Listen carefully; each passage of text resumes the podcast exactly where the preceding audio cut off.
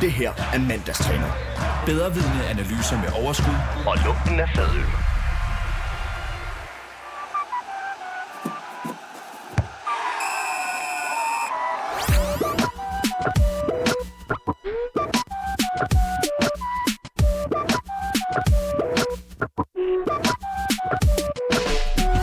Der er ikke lang tid til, at transfervinduet det klapper sammen. Vi har set store scoops som Jack Grealish til Manchester City, Lionel Messi til PSG og Cristiano Ronaldo til Manchester United. Men hvem har i grunden vundet i det store handelsspil? Det skal vi finde ud af i dag. Landsholdspausen står foran os blandt andet med det danske A-landshold i herrefodbold, som skal møde Skotland, Færøerne og Israel. Brøndby finder et lille momentum i form af deres 2-0 sejr over FC Midtjylland i weekenden. Kan de klare Europa League, og kan nogle danske hold overhovedet stå distancen? Alt det og ugens fidusbamser, det zoomer vi altså ind på i denne version af Mandagstræner. Velkommen til. Det her er mandagstræner.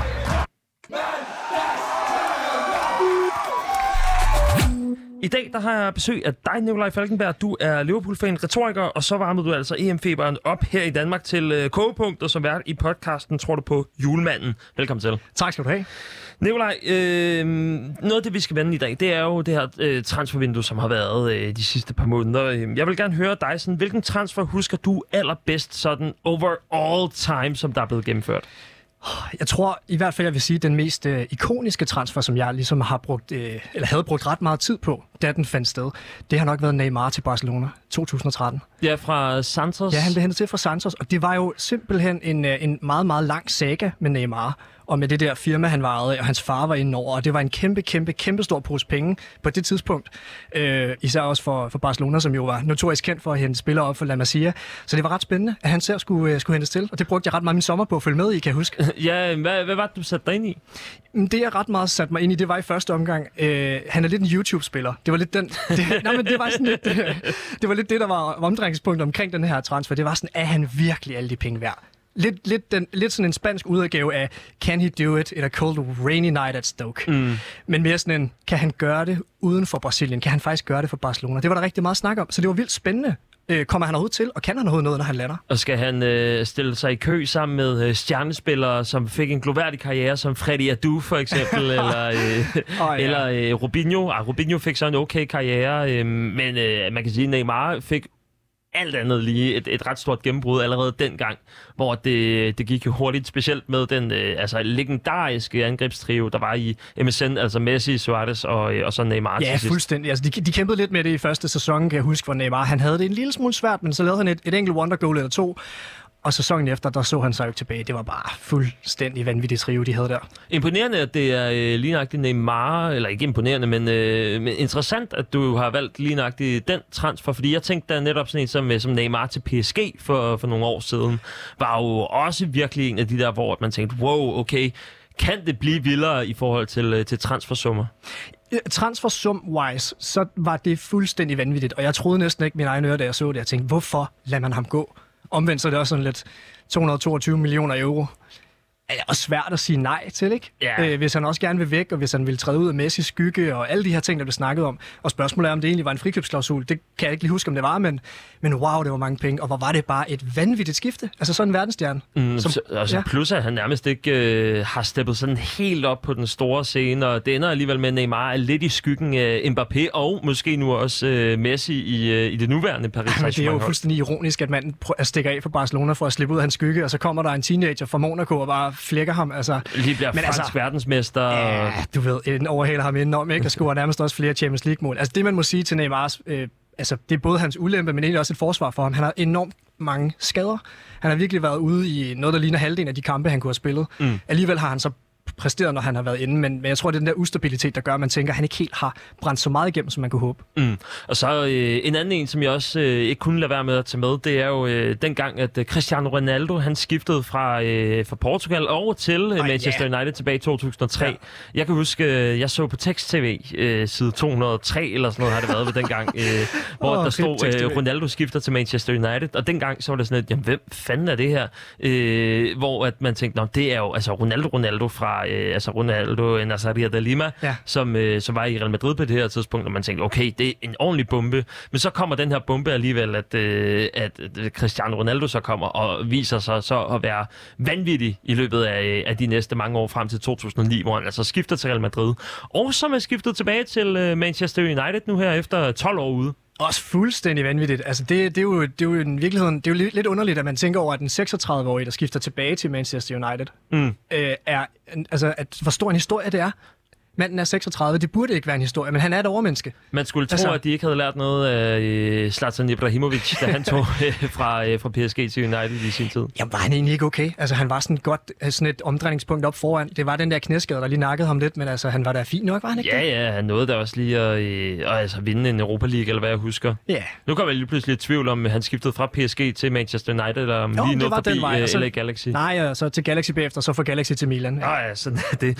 Øh, Nikolaj, vi skal igennem øh, tre runders fodbold. Tusind tak, fordi du vil være med her til eftermiddag. Vi Fornøjelse. øh, starter netop med at tale om øh, den her sæsons transfervindue. Hvis dette transfervindue ville foregå i Football Manager, så ville alt tyde på, at der var en fejl i spillet. Sådan lyder øh, en af de mange kommentarer, der har været at finde på, øh, på Twitter, fordi der har også været et voldsomt transfervindue. Blandt andet altså Jack Grealish fra Aston Villa til City, Romelu Lukaku fra Inter til Chelsea, Jadon Sancho fra Dortmund til Manchester United, Messi fra Barcelona til PSG, Cristiano Ronaldo fra Juventus til Manchester United, Varane, Hakimi, Upamecano, Donnarumma, David Alaba. Altså, det er som om, at der ikke er noget, som eksisterer længere af det, som vi kalder fodbold i øh, den sæson, der hed 2021. Det er jo fuldstændig vanvittigt. Øh, Nikolaj, vil du ikke prøve at beskrive øh, den her sæsons transfervindue? Jeg synes, det er absurd, det er uvirkeligt, og så er det fuldstændig fabelagtigt. Og det er noget, der kommer til at gå over i, i historien, tror jeg, i forhold til, hvilke navne det er. Og det er dem, du nævner her. Det er absurd store navne. Det er muligvis de to største historier, jeg nogensinde har set, i form af Messi og Ronaldo, der begge to er skiftet i samme vindue.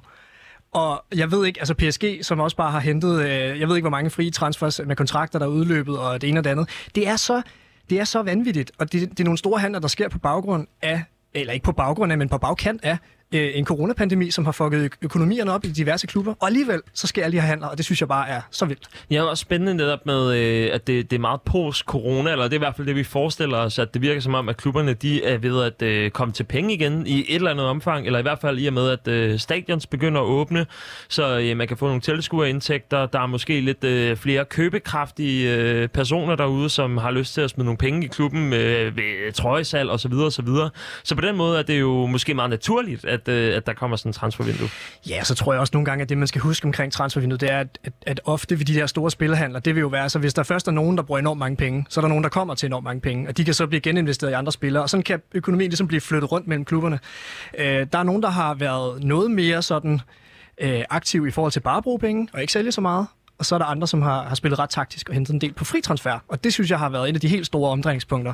Netop hvor mange øh, free agents, der er, der er skiftet. Ja, og det er jo især, kan man sige, øh, sådan et sted som, øh, som PSG, Paris Saint-Germain, hvor der jo har været altså, nogle af de allerstørste transfers overhovedet. Havde der været et prisskilt på dem, så havde det jo alligevel også været en, en altså, fuldstændig absurd måde at, at handle spillere på. Altså, Altså, fantasiliarder, det havde kostet dem, altså hvis de skulle hente de spillere til originalpriser. det er jo fem, fem vildt. spillere, som stort set vil kunne gå ind, og, eller seks spillere, så vidt jeg husker, som, øh, som kan gå ind på et hvilket som helst hold i en hvilken som helst liga og øh, præstere som en af nøglespillerne. Absolut. Hvad, øh, hvad tænker du, øh, Nikolaj, i forhold til øh, højdepunkter? Hvilke, hvilke højdepunkter synes du, der har været i løbet af det her transfervindue?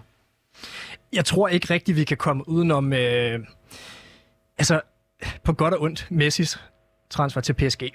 Altså det er, det er simpelthen så vanvittigt. Det er det, vi ikke havde regnet med skulle ske nogensinde. At Messi skiftede væk fra Barcelona, øh, og så endda til, til PSG. Retrospektivt kan man godt se, at det giver mening, og Barcelona har jo været en klub øh, på vej i sænk i mange år, i forhold til, hvordan den er blevet ledet af Bartomeu og alle de her ting.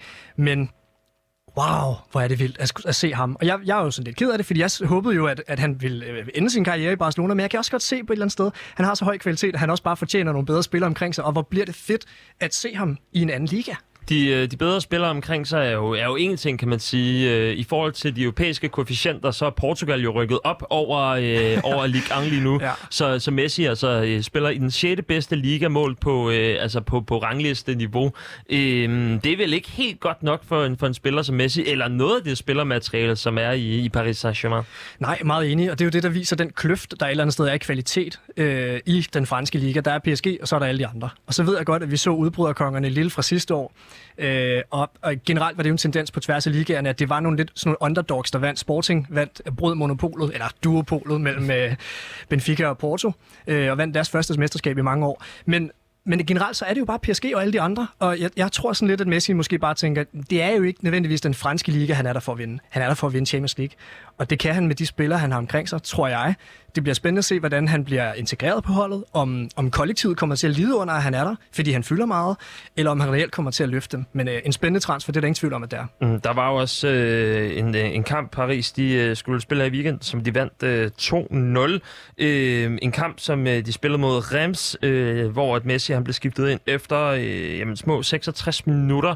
Han, øh, han nåede at spille en 4-25 minutter og øh, gjorde Altså ikke et messisk væsen ud af sig, men, øh, men det ligner jo også bare, at han, han skal ind og, og spille nogle kampe, før det kan lade sig gøre. Eller hvad tænker du? Ja, men ja, det var som der var flere, der pegede på efterfølgende. Altså manden skal lige have lov til at... Øh, altså han er ikke vant til at blive skiftet ind jo.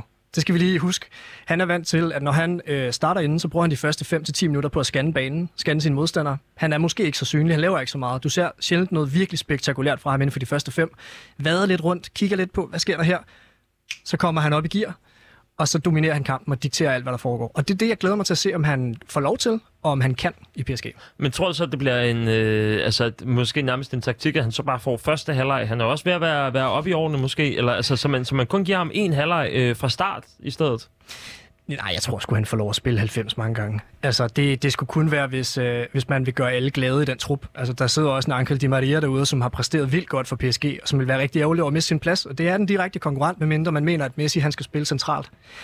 Så jeg vil sige, Messi er ikke en spiller, du piller ud i pausen. Det tror jeg simpelthen ikke, han har lyst til. Det er jo ellers øh, på papiret jo nærmest ja, kun øh, Angel øh, Di Maria, som, som kan konkurrere med det. Ellers så ser bænken jo ikke øh, vanvittigt farlig ud på, øh, på lige i den position.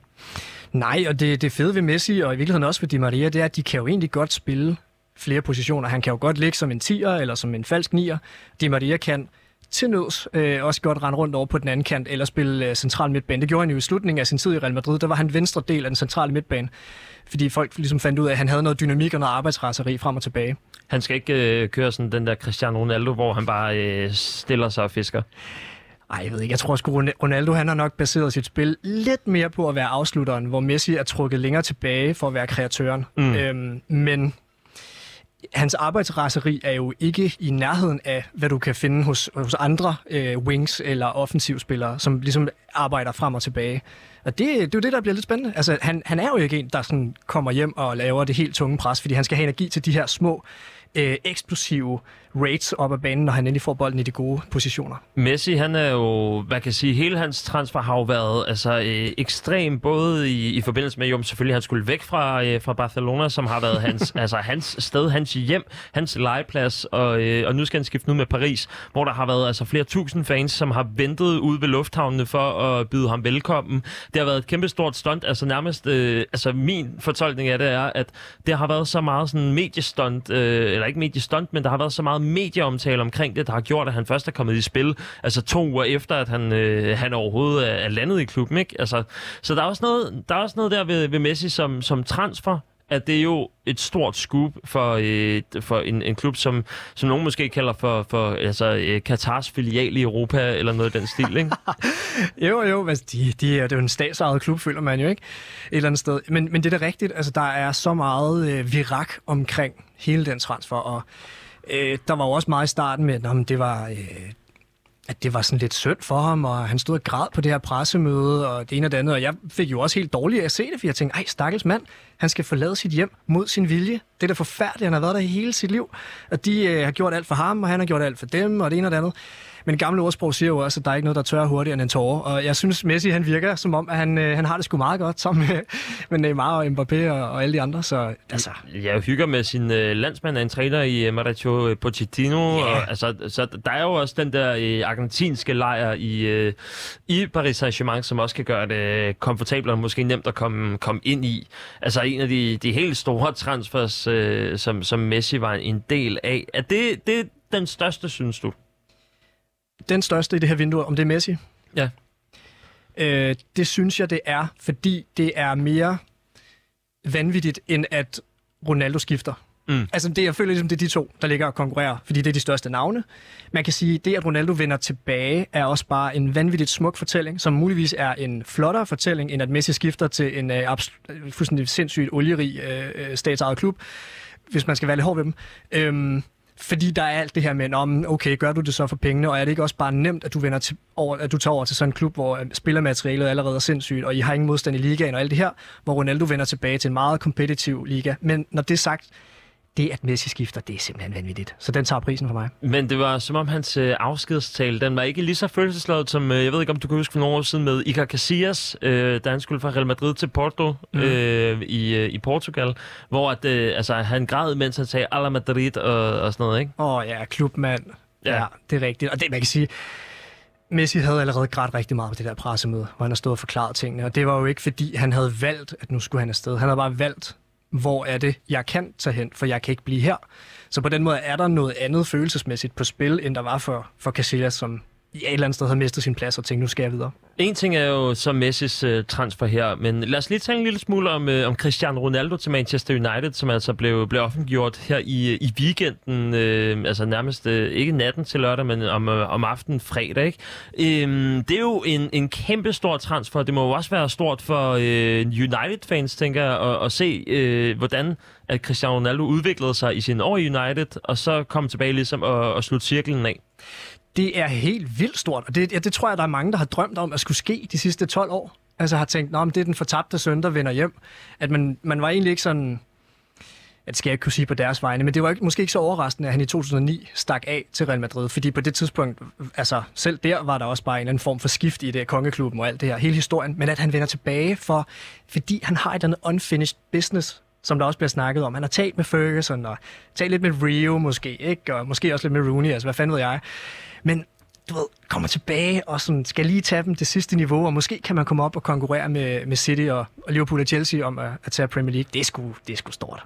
Gør det øh, Cristiano Ronaldo mere til, øh, altså at, at, at de, de, den periode, han har spillet, den karriere, han har haft, gør det sådan, at man husker ham øh, om, om 20 år, kommer til at huske ham mere som en øh, United-spiller, end som en Real Madrid-spiller? Jeg tror, det kommer an på, hvordan den her anden periode kommer til at udspille sig, fordi han spillede længere tid i Real Madrid, end han spillede United i første omgang. Så hvis han skal have spillet lige længe i begge klubber, skal han tage tre sæsoner nu. Så vil han være 39. Altså, Zlatan har jo øh, stadig en gang i Ja, sin karriere, det er jo det. Og I prøver at høre, jeg skal, det sidste, jeg vil gøre i den her verden, det er at afskrive Cristiano Ronaldo, før han selv gør det. Mm. Fordi den mand, han kan præstere som ingen anden. Han er fuldstændig superhuman. Øhm, så, så på den måde vil han sagtens, i min optik, kunne tage tre sæsoner. Men igen, det afhænger jo ret meget af, sådan, ja, hvad han kommer til at præstere. Men jeg tror at du har ret i, at, øh, at når han ligesom... Øh, nu skal vi ikke kunne sige, om han slutter her, men nu er han tilbage igen. Og det er typisk det mest, den mest præsente klub, man, øh, man husker folk for. Jamen, jeg, jeg tænker da, øh, altså, at jeg, jeg tror, jeg vil komme til at huske ham mest som Real Madrid-spiller. Han har jo vundet, altså, Gud ved, hvor mange Champions League-trofæer, Gud ved, hvor mange Ballon d'Ors i den periode, hvor at han jo i sin United-år, øh, altså, var en stjernespiller, men en stjernespiller i udvikling, som ikke havde nået sit fulde potentiale. Øh, Real Madrid har brugt ham øh, nærmest på den perfekte måde, og så når han øh, ikke kunne følge med mere, så øh, røg han til Juventus også for at prøve noget nyt, ikke? Altså, så på den måde, øh, jeg vil sige, det, det virker som om hele hans karriere har foregået i, i Real Madrid. Ja, det er du faktisk ret i. Nu jeg tænker over det. Jeg ved godt, jeg sagde før, det kommer an på, hvordan han præsterer, men lad os også bare lige huske, at han brugte sine år fra... Ja, hvad var han? Han var 24, da han skiftede, og så var han 33. Altså 24, da han røg fra United til, til Real Madrid, og 33, da han røg fra Real Madrid til Juventus. De år er hans peak years. Det kommer vi ikke udenom. Og det var der, han lavede stadig mellem 50 og 60 mål per sæson. Det ser vi jo ikke længere. Nu laver han måske 30-40 stykker. Hvor stor en øh, rolle spiller Messi i, at man husker øh, Cristiano Ronaldo som Real Madrid-spiller? Øhm, meget, tror jeg i virkeligheden. Øhm, fordi de to har ligget i den liga og bokset med hinanden, og det har været så, øh, så stor en, en rival til ham. Og noget af det, som han virkelig er blevet tændt af. Altså hvis Messi er gået og lavet hat så har han tænkt, fuck det der, jeg skal lave fire. Øh, og jeg skal også score på sakse, eller du ved, alle de her Lidt, ting. lidt det, man også har set med, med Haaland og Mbappé, Ja, ja. øh, for jamen, det var jo så i, øh, i hvad hedder det, knockout-turneringen af Champions League i, i sidste sæson, øh, hvor man så var det Mbappé scorede to, og så scorede Haaland tre dagen efter. Ja, og gik sådan ud bagefter til Januar Fjortoft, øh, ham, øh, du ved, reporteren fra Norge der, og så siger han bare, at det var gratis motivation, så øh, tak til Mbappé. Men, øh, men, men det slår mig da egentlig, at, øh, at netop fordi at Cristiano Ronaldo han har øh, spillet mod Messi så mange gange, og de har spillet så meget der. Hvis der ikke havde været en direkte konkurrent, så ville man ikke have husket Cristiano Ronaldo som Real Madrid-spiller på samme måde, tror jeg. Nej, altså det kan godt være. Det er jo, det er jo virkelig er jo sådan lidt... Øh, altså det er jo gætværk, men øh, det kan jo godt... Altså han har helt sikkert... Messi har helt sikkert spillet en rolle i, hvordan man opfatter Cristiano som Real Madrid-spiller. Det har virkelig været modpoler. Det tror jeg også, man kunne se det i skolegårde rundt omkring, både i, i Danmark og i udlandet. Altså enten er du det ene, eller også er du det andet. Du har en favorit på en eller anden måde. Mm. Og, øh, og den, den der... Sådan, Det er nummer 7 eller nummer 10 på ryggen. Ja, det er det, det er ikke. Og enten er det den øh, altså kongehvide der, det hedder så godt nok kongeblå, men altså kongeklubbens hvide, mm. og så Blaugrana fra, øh, fra Barcelona. Altså det, det er sgu to modpoler. Altså, øh, de nok, jeg tror måske øh, heller ikke, at øh, det er for meget at sige, at det er, øh, at det er et transfervindue. På grund af de to spillere, at de skifter inden for samme vindue, at det nok er et af dem, man, øh, man aldrig kommer til at glemme. Nej, det er så vanvittigt. Og, og det, det absurde er jo virkelig, at der er ret mange andre store transfer, som nærmest øh, drukner lidt. Ja. Altså sådan Ronaldo, der skifter til, til United, og straks er Jadon Sancho ude og tweete scary hours. Og være sådan, åh gud, ja, du er også skiftet, det har vi lige glemt, ikke? Hold kæft, det er vildt. Hvem, øh, hvem synes du, Nikolaj, har lavet øh, årets scoop? Altså øh, en af de der, hvor man tænker, det er ikke bare en, øh, en stor spiller, som ryger fra en klub til en anden klub, men det er faktisk det, det er, en- altså, den bedste handel nærmest. Jeg er tæt på at sige uh, Donnarumma til PSG. Mm. Øhm, ja, altså det er sådan en, den går lidt sådan semi under radaren, fordi den har været der ret tidligt i vinduet, øh, hvor den gik igennem, og det var sådan lige midt i EM og sådan noget. Man var suveræn til EM. Altså europamester, og øh, mega dygtig målmand. Stor, og fremtiden er foran ham, og sådan noget, han, man får ham gratis. Mm. Altså det er det, at man får ham gratis, der gør, at jeg vælger ham. Ellers så er at Lukaku også øh, et godt bud. Jeg ved godt, han er dyr, men han var the missing link for, for Chelsea, som jeg ser det. I hvert fald øh, kommer Lukaku ind på Chelsea-hold, som har haft en masse øh, altså angriber, som led lidt af den der engelske syge med i første sæson. Ikke rigtig at, øh, at bryde igennem, og skal måske også bruge den her sæson på at, øh, at få noget græs under fødderne, og, og på den måde måske begynde at score flere mål, end de har gjort før. Kai Havertz er jo begyndt at komme lidt i gang nu. Ja, det må man sige. Uh, han havde en lidt, uh, lidt træ start, ham og Timo Werner. De skulle lige lære det, men man kan sige, de startede også under Frank Lampard som lidt fumlede i blinde i starten af af sidste sæson. Han havde fuldstændig vanvittigt spillermateriale. Det blev bare ikke rigtigt til noget. Så får man Tuchel ind, som sætter skik på det hele, giver dem en ordentlig struktur og system og lidt uh, defensive uh, instrukser. Og bam, så kører det, og Havertz er også øh, kommet godt i gang. De ser farlige ud, Chelsea, og, og de, havde jo, de har jo bare et vanvittigt hold, som med Lukaku op foran, som er blevet mere moden, øh, stærkere, hurtigere, skarpere. Han er ligesom bare blevet bedre på alle parametre, siden han forlod United og kom til Inter og så nu tilbage.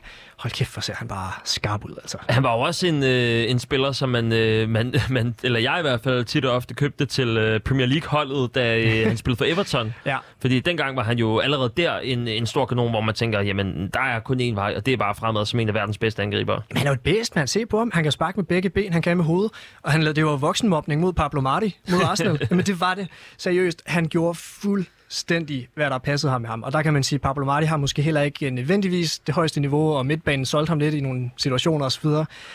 Men ah, hold da op, et, øh, et højt niveau. Det, jeg, jeg, jeg er lidt spændt på at se ham faktisk i den her sæson. Jeg frygter ham lidt som Liverpool-fan. Altså nu så vi ham heldigvis blive nogenlunde pakket ned her i, øh, i weekenden, da de mødte hinanden på Anfield. Men i løbet af den her sæson, han kan kun blive bedre. Det tror jeg. Der er jo også, øh, altså, du siger, at Donnarumma er et godt scoop, og vi har øh, PSG, som helt klart øh, er en af de store vinder af det her øh, transfervindue. Manchester City har også købt godt ind, i spe, specielt med Jack Grealish, som øh, værende altså noget top hylde spiller.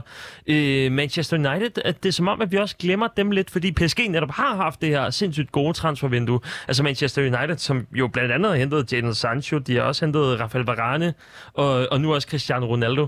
Altså, det må da også være en eller anden sådan... Øh, en, der lige pludselig har taget joysticket i et FIFA-spil, og bare lige købt de tre spillere, der lige lige til noget, for budget til. Jamen fuldstændig. Altså, øh, det virker... Øh, jeg synes, det der med, med at tænke FIFA ind i det career mode er, er, er fuldstændig rigtigt. Fordi det er typisk der, hvor man ser sådan underlige vinduer, hvor spillere skifter til klubber, og man tænker, hvordan fanden kan det lade sig gøre? Men hvor de af en eller anden årsag har computerstyring AI ikke sørget for at forlænge kontrakten. Og det er lidt sådan, man ser det med sådan Varane udløb næste år. Cristiano udløb næste år. Øh, Sancho blev så hentet til det beløb, han kunne hentes for, men de to andre til nogle rigtig, rigtig fine priser, netop fordi kontrakten ville udløbe. Og det er jo bare nogle sindssyge handler. Øh, jeg er meget spændt på, hvordan det kommer til at være med Cristiano, altså hvor skal han spille?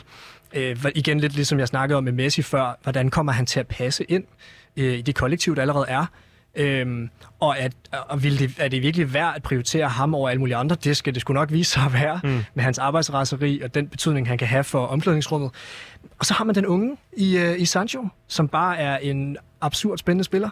Altså, som nærmest er måske en up-and-coming Cristiano Ronaldo. Øhm, altså, nu tænker jeg også en position-wise, er lidt ude på kanten, ikke? Som Cristiano var i sine unge dage. Ja, højre kanten, Ja, kan det med og begge så, ben. og så hopper du ind, øh, når du bliver ældre, øh, ind på toppen.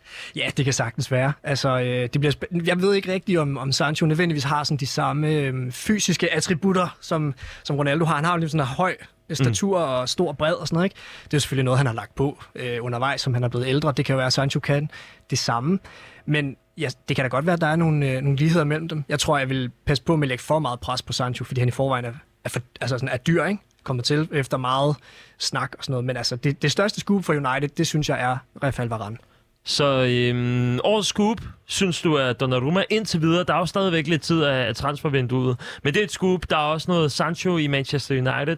Det er lidt de to klubber, som konkurrerer om, hvem der egentlig har lavet det bedste transfervindue. Måske får vi svar på det øh, i løbet af Champions League, hvis at de skal møde hinanden på et eller andet tidspunkt. Indtil videre, så skal PSG jo først møde Manchester City.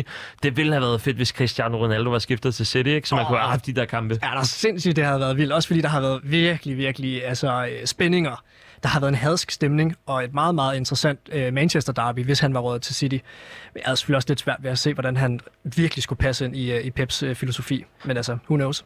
Hvilke, øhm, hvilke, hvilke hold har virkelig floppet på, på transfervinduet? Der er en her for mig, der står lysende klart. Og det er Arsenal. Øh, Martin Ødegaard, Ja, men jeg Ben ved... White. Ja. Yeah. Altså, Arsenal har brugt over en milliard i år. Og det største navn, de har, det er Martin Ødegaard. De har brugt 250 millioner danske kroner på en reservemålmand. Så de hentede en offensiv flødefod i øh, Ødegaard, og han skal nok blive god en eller anden dag. Øh, de har hentet Ben White, som ikke så alt for heldig ud i sin første kamp, men som selvfølgelig har både har tiden øh, og, og alt muligt andet på sin side. Han skal nok blive fin.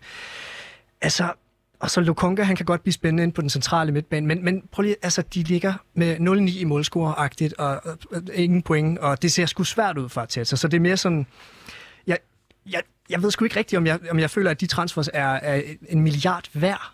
Altså, det bliver virkelig spændende, de må gerne modbevise mig, men lige nu, så synes jeg, at det ser, det ser sgu lidt svært ud. Men, men er det sådan, så, øh, så Arsenal måske endda øh, altså begynder at, øh, at, at lave den der hashtag Road to Championship, hvor det er så altså, øh, den, den næstbedste øh, engelske liga, man går efter?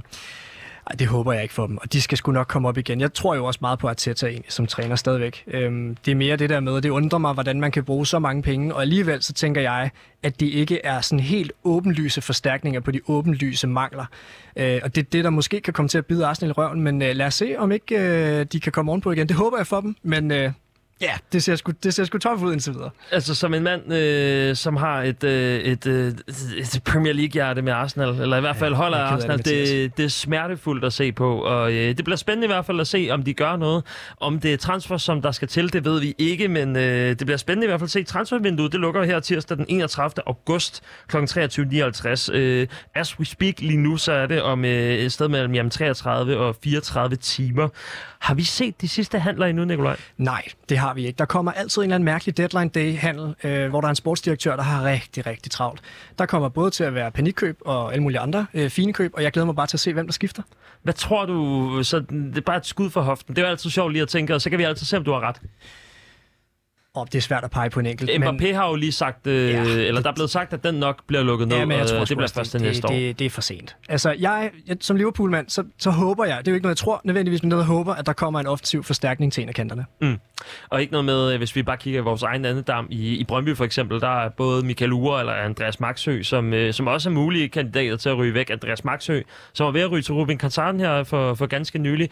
Det kommer ikke til at ske. Nej, Rostov kommer han heller ikke Nå, øh, til. Rostov, ja. ja. Ja, det er Rostov, jeg tænker ja. på, fordi det var en anden, der røg til Rubin Kazan. Det var øh, Anders Dreyer, som selvfølgelig kom fra Midtjylland. Ja. Øhm, men man kunne ikke forestille sig, at det var en af de to, for eksempel. Jo, ved du hvad, det, det, kunne de, det kunne de godt. Altså, vi ved jo alle sammen, at Max vil gerne være afsted. Mm. Øh, og det under man ham også. Han har godt nok øh, været dygtig. Øh, så det kunne sagtens være, at han fik et øh, skifte her på falderæbet, og nogen tænkte, gud, han kan da godt sparke til en bold, ham der. Skælvende ben i hvert fald, øh, hvis man er Brøndby-fan. Øh, skælvende ben, hvis man er Arsenal-fan. Øh, er man øh, PSG eller United-fan, så er der måske lidt mere ro i sindet. Alt andet lige, så øh, transfervinduet lukker altså her tirsdag den 31. august kl. 23.59. Som vi siger nu, så er det jo om øh, små 33 timer. Hvis man lytter med på podcast senere, så øh, kan det være, at vi har ret. Det kan også være, at vi ikke har ret i de sidste transfers. Nikolaj, vi skal, øh, vi skal også til noget andet igen. Simon Kjær, han kan godt lide calzone. Åh, oh, gode gamle Og pasta med bøf med lige. Ione. Altså lyden af øh, lidt til som jo lavede øh, hymner til den ene, anden, tredje spiller, hele landsholdstruppen, plus minus det løse. Ej, men prøv at høre, Mathias, jeg bliver jo sendt direkte tilbage til midten af sommerferien her. Hold nu op. Det er jo nostalgisk at høre det her. Ja, det er nemlig øh, landsholdstid. Vi skal have gang i bølgegang på stadion, der skal synges. Vi skal øh, have den der sensommertid, øh, det tidlige efterår i Danmark, som skal ride videre på den der EM-hype, som, øh, som der var over sommeren. Øh, Danmark, de skal spille tre kampe. Det er mod Skotland, Færøerne og Israel.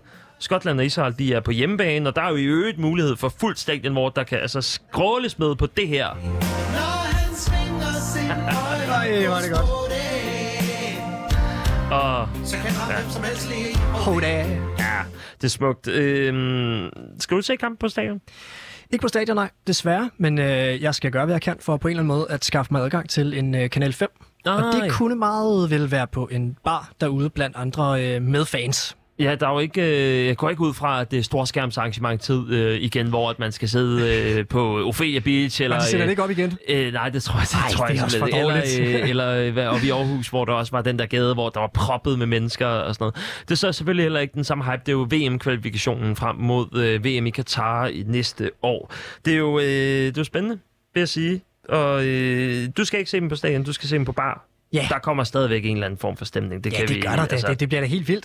Altså, og det, på den måde er det ikke så meget anderledes end under VM. Ej, undskyld, EM, øh, fordi det var jo også noget med at se dem enten på bar, eller derhjemme sammen med en masse venner, eller ja, som du siger, på, på storskærm. Og hvis storskærm ikke er der, og hvis jeg ikke har billet, så er det sgu okay at se på en bar. Det bliver fedt. Og jeg tvivler også på, altså nu er det øh, en stor halvanden måned siden, at, øh, at EM det sluttede. Jeg tvivler på, at folk de har øh, enten brændt deres landsholdstrøjer, eller noget af alt det merchandise, som fyldte ud i, øh, i det ganske land. Altså alt blev revet væk under EM-slutrunden. Hvilken, øh, hvilke forventninger har du til, øh, til de her kampe? Både altså inde på banen, men, men specielt også altså, ude i Danmark? Ude i Danmark, der har jeg... Nej, ved du hvad, inde på stadion har jeg en forventning om, at det kommer til at koge. Jeg tror ikke, vi er færdige med at ride på den bølge af eufori, der var oven på EM. Der var et, øh, et, helt særligt sammenhold på tværs af, jeg ved ikke, hvor mange mennesker i hele nationen. Altså øh, også folk, der nærmest ikke har set fodbold før, som bare pludselig var sådan, den der øh, calzone t-shirt, øh, hvor kan man få den hen? så, så jeg tror ikke, vi er færdige med det. Jeg tror, vi kommer til at se, at det går øh, amok ind i parken, og noget af det er udsolgt. Så det glæder jeg mig absurd meget til. Det tror jeg også, at spillerne kan, kan mærke derinde. Forhåbentlig smitter det af på præstationen. Der har jo været, øh, altså lige før EM og sådan noget, der, det er jo ikke fordi, at der var den store hype omkring landsholdet, og det var som om, at, øh, at EM-slutrunden var det, der skulle til for at øh, samle landsholdet, som i de gode gamle dage. Ja. Øhm, hvad skal der til for, at vi holder dampen op? Jeg tror, at øh, Julemand har en opgave foran sig i forhold til at øh, både levere det, det, det lækre spil, men også levere resultater. Fordi man vil gerne i parken og se, at vi vinder. Og især når vi møder Israel, Færøerne, Skotland. Altså, det er, det er modstandere, som vi skal kunne slå, og som vi indtil videre også har formået at kunne slå. Øhm, og det skal gerne gøres på en fed måde, som vi har set det indtil videre, du ved, med offensiv baks. Vi skal have Joachim Mæle, der bløjer op og ned af, øh, af den ene linje der, og Stadig drømme om ydersiden fra øh, til, til dollaren, ikke? Prøv at høre, det er jo ståpels med det samme. Øh, man, det er helt gåsehud over det der. Altså, kæft, hvor var den flot. Men tror du, vi kan komme tilbage til, øh, til den der ekstase der? Fordi det er jo alligevel det, et, et tæt kampprogram, øh, ligesom vi også så med EM. Men, øh, men den der stemning med, øh, med at samle folk til sommerhus og sådan noget. Tror du ikke bare, at det bliver lidt den der stemning af, når nu er jeg fri for arbejde eller fri for undervisning. Jeg skal bare se den derhjemme alene. Jo, det kommer der også til at være. Det kommer der også til at være. Og det, det er sgu fair nok, fordi nu er vi i en hverdag, hvor øh, der sker nogle andre ting, så jeg tror aldrig, vi kan forvente, at det vil være det samme engagement som midt i en sommerferie, hvor vejret bare er bravende godt udenfor. Det bliver også efterår. Der kommer også til at være regnfulde dage, hvor man måske har mindre lyst til at være ude i gaderne og feste og flage og køre rundt i biler og dytte. Det kommer ikke til at ske efter en VM-kvalifikationskamp. Det gør det bare ikke. Men altså, mindre kan gøre det. Det er måske så meget sagt. Jeg kan huske, jeg har boet, øh, jeg boede i Frankrig tilbage i 2013, da de kvalificerede sig til, øh, til VM 2014. Ja. Hvor øh, på samme aften, så var det altså Algeriet, det var Portugal og Frankrig, som, øh, som kvalificerede sig videre. Øh, på Champs-Élysées, som er der, hvor at hvis man ser Tour de France, så er det der, hvor at de øh, kører øh, afsluttende etape. Der var proppet med biler, som f- simpelthen flade med de her tre flag. Det er øh, nogle af de nationer, som er mest repræsenteret i Frankrigs hovedstad. Øh, altså den folkestemning, som var der, tænker jeg, den, den passion, den kan man vel også godt overføre til, øh, til Danmark, selvom at, øh, det måske er i oktober, at, øh, at man skal fejre noget. Ja, for fanden. Altså, hvis, øh, hvis det handler om at fejre, at vi kvalificerer os til VM, hvilket vi da regner med, håber på, alt det der. 9 point, 14-0 i målscore. Det ser sgu meget lovende ud, ikke? Og det er jo ikke nogen frygtindgydende modstandere. Nu skal jeg ikke jinxe noget. Alt kan ske i fodbold og alle de der andre floskler, man kan sige. Men det ser rigtig fornuftigt ud. Så hvis vi nu antager, at vi øh, kvalificerer os, så jo, så kan man da godt fejre det. Men hvis vi gør det i fuldstændig suveræn stil, så er det måske også mindre euforisk, hvis man godt kan regne ud på forhånd, at vi faktisk går videre. Mm. Altså, Christian Eriksen, han er jo af god grund ikke med i, øh, i den her omgang. Tror du, vi kommer til at savne ham? Øhm, jamen, det er jo lidt spændende, både og. Fordi vi klarede det jo rigtig godt under EM uden ham. Øhm, men han er jo bare en klassespiller. Han var omdrejningspunktet på landsholdet, og på nogle områder kan man måske sige, at det gav plads til nogle andre. Damsgaard blandt andet. Øh, Højbjerg tror det karakter på en anden måde. Øhm, det, det åbner op for nogle nye muligheder, og det synes jeg er lidt spændende. Og så kan man sige, at vi måske er mindre afhængige af en individualist, men måske hviler mere på kollektivet, og det matcher meget godt med det, Julemand har gang i med hele projektet. Så det er jo sådan lidt et underligt politikersvar her, men både og. Ja, fordi det er, jo, det er jo også lidt spændende, fordi selvfølgelig øh, kommer vi til at øh, i et eller andet omfang savne Christian Eriksen, som, som altså den maskine, han har været de seneste i hvert fald 10 år på, på herrelandsholdet. Men, øh, men netop Damsinho, som kommer ind, øh, en masse af de unge spillere, hvis vi også bare kigger på, altså øh, en spiller som Jakob Brun Larsen, spiller nok ikke samme position, men, øh, men stadigvæk at nogle af de offensive kræfter på landsholdet, at de faktisk er inde og, og steppe op i deres øh, klubber, at de begynder at have en god figur, har i løbet af de første øh, altså, øh, 3-4 kampe i, i de forskellige ligaer faktisk gjort en god figur. Det er vel også med til at, øh, at, at skabe øh, måske også endda en konkurrence på landsholdet. Det håber jeg meget, og nu ser vi jo også i, i udtalelsen, der er kommet, at der er nogle interessante navne, som er blevet flået op af hatten. Øh, blandt andet Mohamed Darami, fra øh, nu forhenværende FCK og, og er ny Ajax-spiller. Han er æderlås med spændende. Sikke en øh, individualist. Altså, han kan jo simpelthen sætte folk i en øh, telefonboks øh, adskillige gange i løbet af en kamp. Sådan en glæder jeg mig til at se. Men det gør jo også bare, at øh, så er der yderligere konkurrence på den der venstrefløj, mm.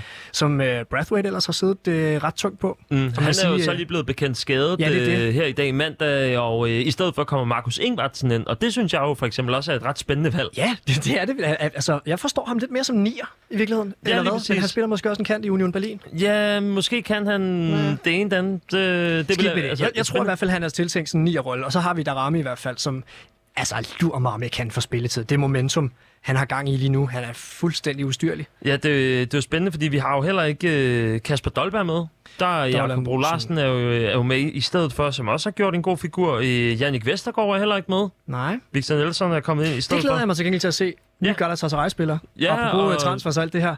Det er spændende at se ham. Ja, en U21-landsholdsspiller, som, som gjorde det ganske glimrende, ikke? Ja, og var øh, var også super god for FCK i, i sidste sæson. En af dem, som man ikke kunne pege fingre af i forhold til deres manglende øh, pragtpræstationer. Der er også øh, altså, en Rasmus Nissen fra øh, Red Bull Salzburg, som kommer ind, og øh, det billede, som øh, kom ind for herrelandsholdet i dag, øh, de har postet et billede, hvor at Andreas Maxø og Rasmus Nissen, de står og taler sammen. Og det er jo også sådan Nå, en, en, fra, øh, fra kampen, øh, kvalifikationskampen der. Nej, de, de, de er jo landet begge to op i, øh, hvad hedder det, øh, på Marienløs Strandhotel nu, hvor de øh, står over en frokost og øh, taler sammen garanteret om kampen, der var Nå, i ja. sidste uge, hvor at, øh, at den ene jo gik øh, videre som Champions League-deltager, og Andreas Maxø måtte nøjes med, øh, med Europa League. Ikke? Ja. Så der er jo også altså, nogle spændende øh, spillere, som ikke nødvendigvis har vist øh, så meget format på, på landsholdet endnu. Jeg glæder mig til at se, om, øh, om Nissen han får, får spilletid. Altså, jeg kan huske, han var jo en af dem, der sådan på U21-niveau øh, konkurrerede en del med øh, præcis øh, Joachim Mæle, hvor Mæle ligesom var, så vidt jeg forstod, den, der trak det længste stik i første omgang. Mm. Øh, og det var jo bare... Han er kommet for at blive. Ja, Mæle er kommet for at blive, det er der ikke nogen tvivl om. Så er spørgsmålet om, hvilken side han får. Øh, men Nissen kan jo godt tage en, øh, en højre dør, eller wingback, eller hvad han nu ender med at skulle, øh, skulle spille, ikke? Ja, det er jo sjovt, hvordan at, øh, at det er som om, at, at venstre med Joachim Mæle, den er skåret i granit. Højre bakken, Ja, den, det er som om, det er blevet vendt om. Det er ja. Altid venstre bakken, venstre dør, der har været den, den værste position. Ja, og, det, og alligevel så vælger vi at besætte den fuldstændig fast, som du selv siger, mejslet i granit med en højre benet. Men øh, han er jo gået fuldstændig øh, Joao Cancelo på den, øh, Joachim Mæle, og, og være øh, du ved, playmaker og godstog og kreatør og målscorer og det ene og det andet fra, fra den position, så, så det forstår jeg sgu godt. Men at den anden er til forhandling, det er også lidt spændende. Hvad, øh, hvad kan fordelene være ved, ved det her landshold, Nikolaj? Fordelen kan være, at vi får nogle spillere at se, som vi ikke øh, fik at se under EM-slutrunden, og som af gode grunde ikke kunne udtages til EM-slutrunden, fordi det handlede om at have kontinuitet i holdet. Det tror jeg ikke betyder lige så meget nu. Øhm, man kan sige, at vi er selvfølgelig også tvunget til at udtage nogle andre spillere, men det fede er, at vi for eksempel, at nu er han så også blevet skadet, Rasmus Falk. Mm. Men sådan en som ham havde jeg personligt glædet mig rigtig meget til at se, fordi han har været fuldstændig suveræn i Superligaen i, øh, altså synes jeg i hvert fald, i flere år som central midtbanespiller. Han kan noget, som ikke ret mange andre kan den klassiske falkvending og alle de her ting. Øh, men, men hvor pointen ligesom bare er, at der er nogle nye spillere, som kan komme ind og gøre sig gældende, og som har et højt niveau. Og de skal jo på et eller andet tidspunkt også spilles ind, fordi der skal nye kræfter til på et eller andet tidspunkt, hvis der kommer skader og alle de her ting. Så det er en taknemmelig modstander at kaste nye folk imod, og mm. det, øh, det glæder mig bare til at se. En af, øh, et af de greb, der har været, det har jo blandt andet været at tage øh, Jesper Lindstrøm ind i, i stedet for, øh, jamen, se som, som Rasmus Falk blandt andet, øhm, som jo emmer af en form for ungdom, som, som er på vej op. Altså Jesper Lindstrøm, der først var udtaget til 21-landsholdet, men så er blevet rykket op på A-landsholdet. Det er vel også rart, at man kan trække på så stærke kræfter ned på ungdomslandsholdet. Ah, det er det fedeste jo. Altså, og og det er også sådan lidt baseret på det, Lindstrøm havde gang i sidste sæson i Brøndby. Så har han sgu da også fortjent at få lov til at prøve sig af. Altså, han var næsten, sådan, han var næsten så god, at man tænkte, du kunne da godt lige snuse til landsholdet, og ikke nødvendigvis U21. Så jeg synes, det er, det er fedt, at han kom op, og jeg glæder mig til at se, hvad han eventuelt øh, har bygget på i, øh, i Eintracht Frankfurt. Mm. Øh, Det har vist nok set ret lovende ud, øh, de første par kampe. Så øh, det, det er jo en god start. Der er også noget med øh, Mohamed Darami, som blev udtaget til øh, altså, truppen, øh, og så er det først Jesper Lindstrøm, der kommer ind bagefter. Jesper Lindstrøm, som har haft debut, øh, Mohamed Darami, som stadigvæk har sin til gode. Det er vel også spændende. Det er godt nok heller ikke to øh, ens positioner, men der er vel også noget i øh, Kasper Julemand, han skal han statuere nogle eksempler og sige, jamen det er dem her, jeg tror på fremover VM. Ja, måske. Jeg tror også, der er et element af momentum her. Øhm, Darami er i vanvittigt momentum. Altså, han var næsten uundgåelig, og han er så vild en individualist, at man nærmest ikke kan komme udenom ham i landsholdssnakken.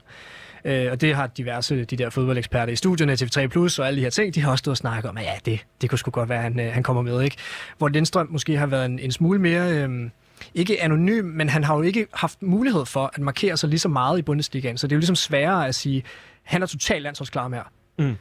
Fordi det har, han, han har jo ikke nødvendigvis vist lige så meget. Også selvom at niveauet så er højere. Så på den måde, så giver det meget fin mening, at, øh, at Darami i hvert fald er med. Jamen, Darami, som jo kun har spillet for FCK, øh, har spillet Conference League-kamp, øh, og det er så også lige det her på det sidste. Jesper Lindstrøm, som har været dansk mester, som også har, øh, har spillet i øh, altså den tyske Bundesliga, har fået nogle kampe der. Altså, øh, jeg tænker da, at erfaringsniveauet må da betale til Jesper Lindstrøms side, frem for Mohamed Darami. Ja, det gør det også. Jeg tror også bare, som du selv siger før, at positionen er anderledes. Og vi er anderledes besat, øh, blandt andet med en Ah, jeg ved ikke, Mikkel Damsgaard, han spillede sådan semikant-agtig øh, under EM, men det tror jeg ikke nødvendigvis, at han øh, kommer til fremover på landsholdet. Jeg tror, han bliver rykket ind mere centralt, øh, som sådan en slags tier, lidt en Christian Eriksen-agtig type, øh, og det gør jo, at der er besættelse på den position, og ikke nødvendigvis på kanten. Så det er også et spørgsmål om, hvad er det for en type til hvilke kampe du vil have, og Julemand, han har sikkert alle mulige udregninger, som jeg ikke kan tage med, men du har ret i, at baseret på, at Lindstrøm har været udtaget før, og han spiller i Frankfurt, og han har præsteret, og han bliver dansk mester og sådan nogle ting, så er det da totalt fortjent, at han kommer med. Men det vidner vel også om, at det ikke er så meget øh, ideen om, din tid skal nok komme. Øh, det, er, det er mere den der med, jamen, altså, pff, du skal jo nok øh, spille dig god først, før du kan komme ind. Men jeg synes, at det, altså netop fordi Kasper Julemand, han godt kan finde på at skifte lidt rundt omkring på de offensive positioner, at, øh, at Mohamed Darami så kommer ind før Jesper Lindstrøm. Men det er måske, og det er måske mig, som, øh, som tager fejl her, øh, det må du meget gerne øh, medgive, at, at, at deres positioner er så forskellige, at de aldrig nogensinde vil kunne spille hinandens positioner. Ja, jeg vil nok heller ikke smide Darami ind centralt, øh, som jeg antager, at Lindstrøm ville skulle, kunne spille, ikke? Mm. Øh, som offensiv midt. Øh, ja, det ved jeg ikke, om Lindstrøm han kunne spille det ude på kanten. Det ville være lidt underligt, sådan lidt prøve at være sådan lidt Coutinho-agtig. Øh, sådan åbenlyst centralt funderet, men tvunget ud på en kant. Mm. Ja, det nej. tror jeg heller ikke. Så nej, jeg tror ikke, de er direkte konkurrenter. Jeg tror, det er fint, at de er der og kan supplere hinanden, hvis vi er heldige. Hvilke ulemper kommer der til at være Ved, øh, ved øh, landsholdsudtagelsen, når øh, de her kampe her? Øhm, udfordringen bliver, tror jeg, at vi netop mangler nogle... Altså en erfaren spiller som Brathwaite for eksempel, og hvis man laver for meget udskiftning i et, et system, der allerede fungerer, så kan det godt gå hen og give lidt, øh, lidt knas. Men øhm, det er umiddelbart også det eneste, fordi jeg synes fandme, det er nogle spændende navne. Altså det er nogle, det er nogle spændende spillere, og det er nogle... Jeg kan godt lide, at han udtager dem, som har lidt x-faktor. Mm. Altså han tænker Rasmus Falk ind, og nu tænker Jesper Lindstrøm ind, som også virkelig Og kan skabe Darami noget. i allerhøjeste grad. Er du sindssyg, ja. Virkelig, ikke? Så, øh, så på den måde, så glæder jeg mig egentlig bare til at, til at se det. Den øh, sidste af de tre kampe her, det er mod Israel. Den spilles tirsdag den 7. september kl. 20.45. Den kan ses på Kanal 5 eller Discovery+. Plus. Danmark de ligger efter tre kampe i spidsen med maksimum point og en målscore på 14-0. De eneste andre hold, som har øh, maksimum point, altså 9 point, det er England, Italien og højst overraskende Armenien. Det synes jeg øvrigt er en fed detalje. Armenien, der har maksimum Hvad point. foregår der for det? Nikolaj, øh, i det her program her, så øh, uddeler vi også øh, to fidusbamser øh, om ugen. Den ene, det er ugens 10'er. Det er altså en aktør i fodboldverdenen, som har leveret en super lækker detalje. Kan det være for eksempel, øh, et eksempel kunne være Kasper Julemand, som øh, sagde noget imod øh, de her øh, Pride-flag, som øh, blev fjernet i øh, Azerbaijan. Det kunne også være øh, Joachim Mæles inderside til, øh, til Dolberg, eller yderside, undskyld. Øh, det kan altså være en hvilken som helst detalje, både på og uden for banen. Og så har vi altså Altså også ugens ostemad, som er en aktør, som har gjort noget, der er øh, ret illeset, og, øh, og på en eller anden måde bør straffes, i hvert fald herinde i lokalet. Øh, jeg vil gerne høre dig, Nikolaj. Øh, hvad er dit bud på ugens tier? Ugens 10'er, det bliver apropos yderside. Pep Biels scoring til, øh, til 2-0 for FCK mod Vejle her i weekenden. Det mål var simpelthen bare altså textbook øh, skoleeksempel på, øh, på flot fodbold, flot ankomstfodbold. Og det kan godt være, forklare, hvad, øh, hvad der sker? Jamen, det kan tro, der er en bold øh, nede fra, jeg tror det er fra øh, en af midterforsvarerne, som bliver spillet op gennem banen, havner hos Jonas Vind, der er trukket ned. Han spiller jo nieren hos FCK, men er altid sådan lidt, ah, jeg søger lige lidt ned i banen og deltager. Øhm, Tillykke til straffespark. Ja, men lige han behøver ikke at være den, der bliver begået mod. Han tager den bare. Nej, men han, øh, han søger ned i banen, modtager den, vender, øh, spiller den i dybden til Lukas Lerager, øh, altså tror jeg det er, som, øh, som kommer stormen ud på højre kanten. Lægger den så tilbage i feltet, hvor Pep Biel kommer rendende mod forreste stolpe. Og har, det vil sige, han, han er jo egentlig venstrebenet. Så det mest oplagte for ham er at afslutte med højre, men han er meget venstrebenet. Øh, så han vælger at tage den med ydersiden. Rigtig, rigtig elegant. Skrue den på, ved nærmeste stolpe ind bag, øh, bag ved keeperen der. Det var, altså det var simpelthen så elegant. Det så så flot ud. Den yderside der, det var altså øh, det nærmest Joachim Mælesk. Altså nærmest, eller måske endda øh, altså, Ej, nu skal jeg ikke gøre det vildere, er. konvertere det til, øh, til sådan en klassisk håndboldscoring, hvor du vrider den så meget, at den, øh, altså, den kurer ind bagefter. Ja, fuldstændig. Det var, øh, der, der, var godt med, der var godt med curl i den bold der. Det var, det var virkelig et flot mål. Og jeg kan også huske, altså, jeg så, øh, så onside eller offside bagefter, hvor øh, Glenn Riddersholm, han var også bare sådan, hvad er det nu, han hedder ham, vores, øh, vores spanske ven der? Det var fandme et flot mål. Nå ja, Biel, ja, Pep der, ja, ja. Jeg, øh, jeg har noteret sådan noget som øh, FCK, der fører Superligaen for første gang i to år. Ja, hvilket er fuldstændig vanvittig statistik egentlig. Første Ja. gang i to år. Ja, det er jo... Det lyder jo sygt. Ja, man har jo helt glemt, at øh, selvfølgelig FC Midtjylland tog den øh, i sæsonen, det må jo så være 1920. Jo, men at de ikke engang har ført. Ja. Det er jo sindssygt at tænke på. Ja, siden starten af, øh, af den, eller yes, hvad, der, de har spillet fire runder på det tidspunkt. Øh, altså, det er jo vildt, at FCK ikke har haft så meget momentum i de sidste to år, som de har nu. Ja. Men, øh, men altså, lad os tage den der med, øh, med scoringen fra, fra Pep Biel. Et, øh, et rigtig et, et klassemål. Øh, noget, som er efter bogen, men som ikke er set før. Det er på nogle af de lidt mere shady sider måske, at man, man finder øh, opskriften til sådan en bog. Eller øh, ikke til sådan en bog, men til sådan en mål. Jeg ved ikke, om det er, om det er shady, øhm, men det var eddermame flot.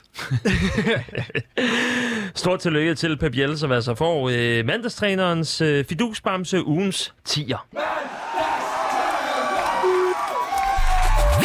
Nikolaj, ugens ostermad. Ugens ostermad. Øhm, jeg har allerede været lidt inde på dem. Og øhm, det er jo ikke som sådan en person. Det er mere en, øh, en samling. Jeg, jeg er nødt til at give den til, til Arsenal. Tre runder spillet, 0 point. Nærmest ingen mål scoret. Øhm, man har brugt en milliard i transfervinduet. Og der er nødt til at ske noget. Altså, det er, mere der, det er derfor, de får den her advarsel. Altså, det, øh, de har en, en, en udmærket manager. De har masser af penge til synlædende, og kan også sagtens lokke øh, fede navne til. Men som jeg var inde på, så har jeg bare svært ved at se strategien for dem. Altså, jeg har svært ved at se en retning, jeg har svært ved at se konceptet. Øh, jeg under dem en masse gode ting, fordi jeg synes, at Arsenal er en, øh, en fed klub, og har været det længe. Men også en klub, som har haft nogle problemer i, hvordan den er blevet ledet med Men- nogle mærkelige indkøb. Men er det en ostermad værdigt, når vi, øh, nu når vi lige kigger på, på ugen, der er gået? Altså, øh, selvfølgelig taber 5-0 til Manchester City. Øh, der er kommet rødt kort fra Granit Xhaka. Altså nærmest det klassisk, at du kan se, okay, det går for galt, jamen så gider han ikke at være på banen. Ja. Så får man et rødt kort øh, på den ene eller anden måde. Øh, altså, de vandt jo også 6-0 over West Bromwich i Carabao Cup. Hvor, Ja. det, altså, hvor målene der var jo efter bogen Ja, det var øh, nogle klassisk mål. Arsenal-mål. Øhm, egentlig. men også et West Bromwich-hold, der nedprioriterede kampen fuldstændig og stillede med noget, der ligner et øh, U23-hold. Øh, det var nogle meget uprøvede spillere, der spillede for West Bromwich i den kamp. Jeg så så den, og det, det var jo flot af Arsenal. Altså, de, de gjorde det godt, det var nogle gode mål og alt det der. Men også på en lidt billig baggrund. Og det blev jo så øh, bare på en eller anden måde ikke bevist, men de bliver ligesom punkteret lidt igen mod City. Og det røde kort er jo det, der gør, at de taber 5-0. Det er der ingen tvivl om. Men det er bare for at sige, der er nogle åbenlyse øh, problemer i Arsenal, hvor de nogle gange, for eksempel i foråret, der er de det mest formstærke, det bedste hold i Premier League nærmest, i, i, i det forår, der lige har været. Og så starter de den her sæson med at bruge en milliard kroner og tabe de første tre runder og spille som en sæk kartofler. Altså udtrykket var, var jo forkert fra, øh, ja, i deres kampe, og det, det er jo bare lidt ærgerligt. Så, så spørgsmålet er, om ikke øh, de skal til at tage sig sammen, hvis ikke det skal gå rigtig galt. Men det er jo, altså, det er jo 5-0 mod City, det er 2-0 mod Chelsea og 2-0 mod Brentford. Altså, det er jo kun Brentford-kampen, hvor man tænkte, ah, det er måske lige en om Arsenal. Man havde nok set, altså hvis man bare skulle tippe en 13 og smide et kryds ud for dem, så havde man jo ikke regnet med, at Arsenal ville vinde hverken over Chelsea eller City. Så på den måde er det måske også på et, øh, et, et, et, et måske svagt grundlag, at de skal øh, altså straffe så hårdt. Det tror jeg faktisk, du har fuldstændig ret i. Hvis man kigger på det der, så vil man godt kunne sige, det skulle nok Chelsea, der tager den. Det skulle nok City, der tager den. Og der er de to første øh, nederlag i princippet. Øhm, ja, det, det, det, er jo, det er jo en færre indvending, synes jeg. Har du et, øh, har du et bud på en, Nej, som men, kan udfordre? Jeg har, jeg har også noteret uh, Arsenal og Mikkel Artetas uh, dårlige resultater i Arsenal. Ellers så er det jo sådan noget manglende scoop-transfers til Superligaen. Jeg synes ikke, ja. At der har været nok uh, store spillere, som er blevet hentet ind. Det er øh, FCK og FC Midtjylland, som har hentet nogle spillere i år. Lidt af øverste hylde, i hvert fald nok til europæisk niveau. Men, uh, men der mangler lidt fra især altså Brøndby og AGF. AGF har nok ikke økonomien. De leger jo rigtig mange spillere. Men der mangler en lille smule uh, jamen, x-faktor i Superligaen. Specielt efter sådan en som Drejer er, er råd til. Så min frygt eller til Ruben Kazan. Min frygt, det er, at, øh, at Superligaen den begynder at blive kedelig, medmindre man skal se FCK spille.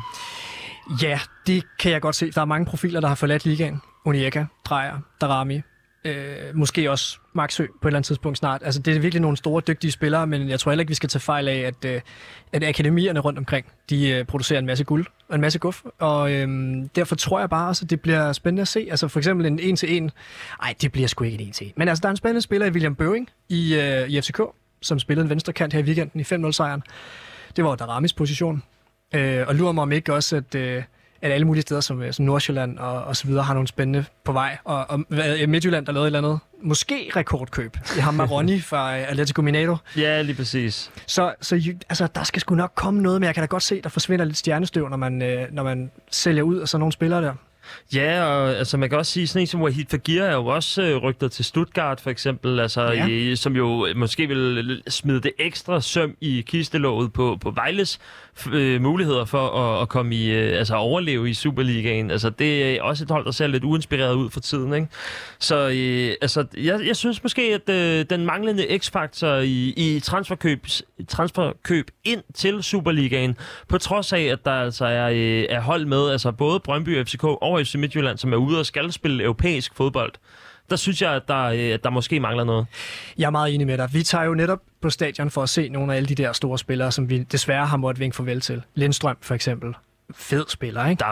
Darami, super Dreyer. fed spiller. Drejer en fed spiller. Jeg synes egentlig også, det kan være, det virker lidt mærkeligt, at jeg fremhæver ham her, men jeg synes faktisk også, at Kasper Højer var enormt spændende at se. Mm. Der er ikke nogen, der har et venstreben som ham. Jeg synes, øh, det værste er jo nærmest, at øh, skal jeg på Brøndby Stadion igen, så noget af det, jeg glæder mig mest til, det er at se Mads Hermansen nede på målet øh, lave den ene redning efter den anden. Ja, okay. Det er vel også en eller anden form for ostemad værdigt. Nej, Ja. ved hvad, jeg tror faktisk, vi er enige om, at øh, Arsenal, Mikel Arteta og det koncept, der er i Arsenal lige nu, det er altså øh, ugens ostemad her fra, fra mandagstræner.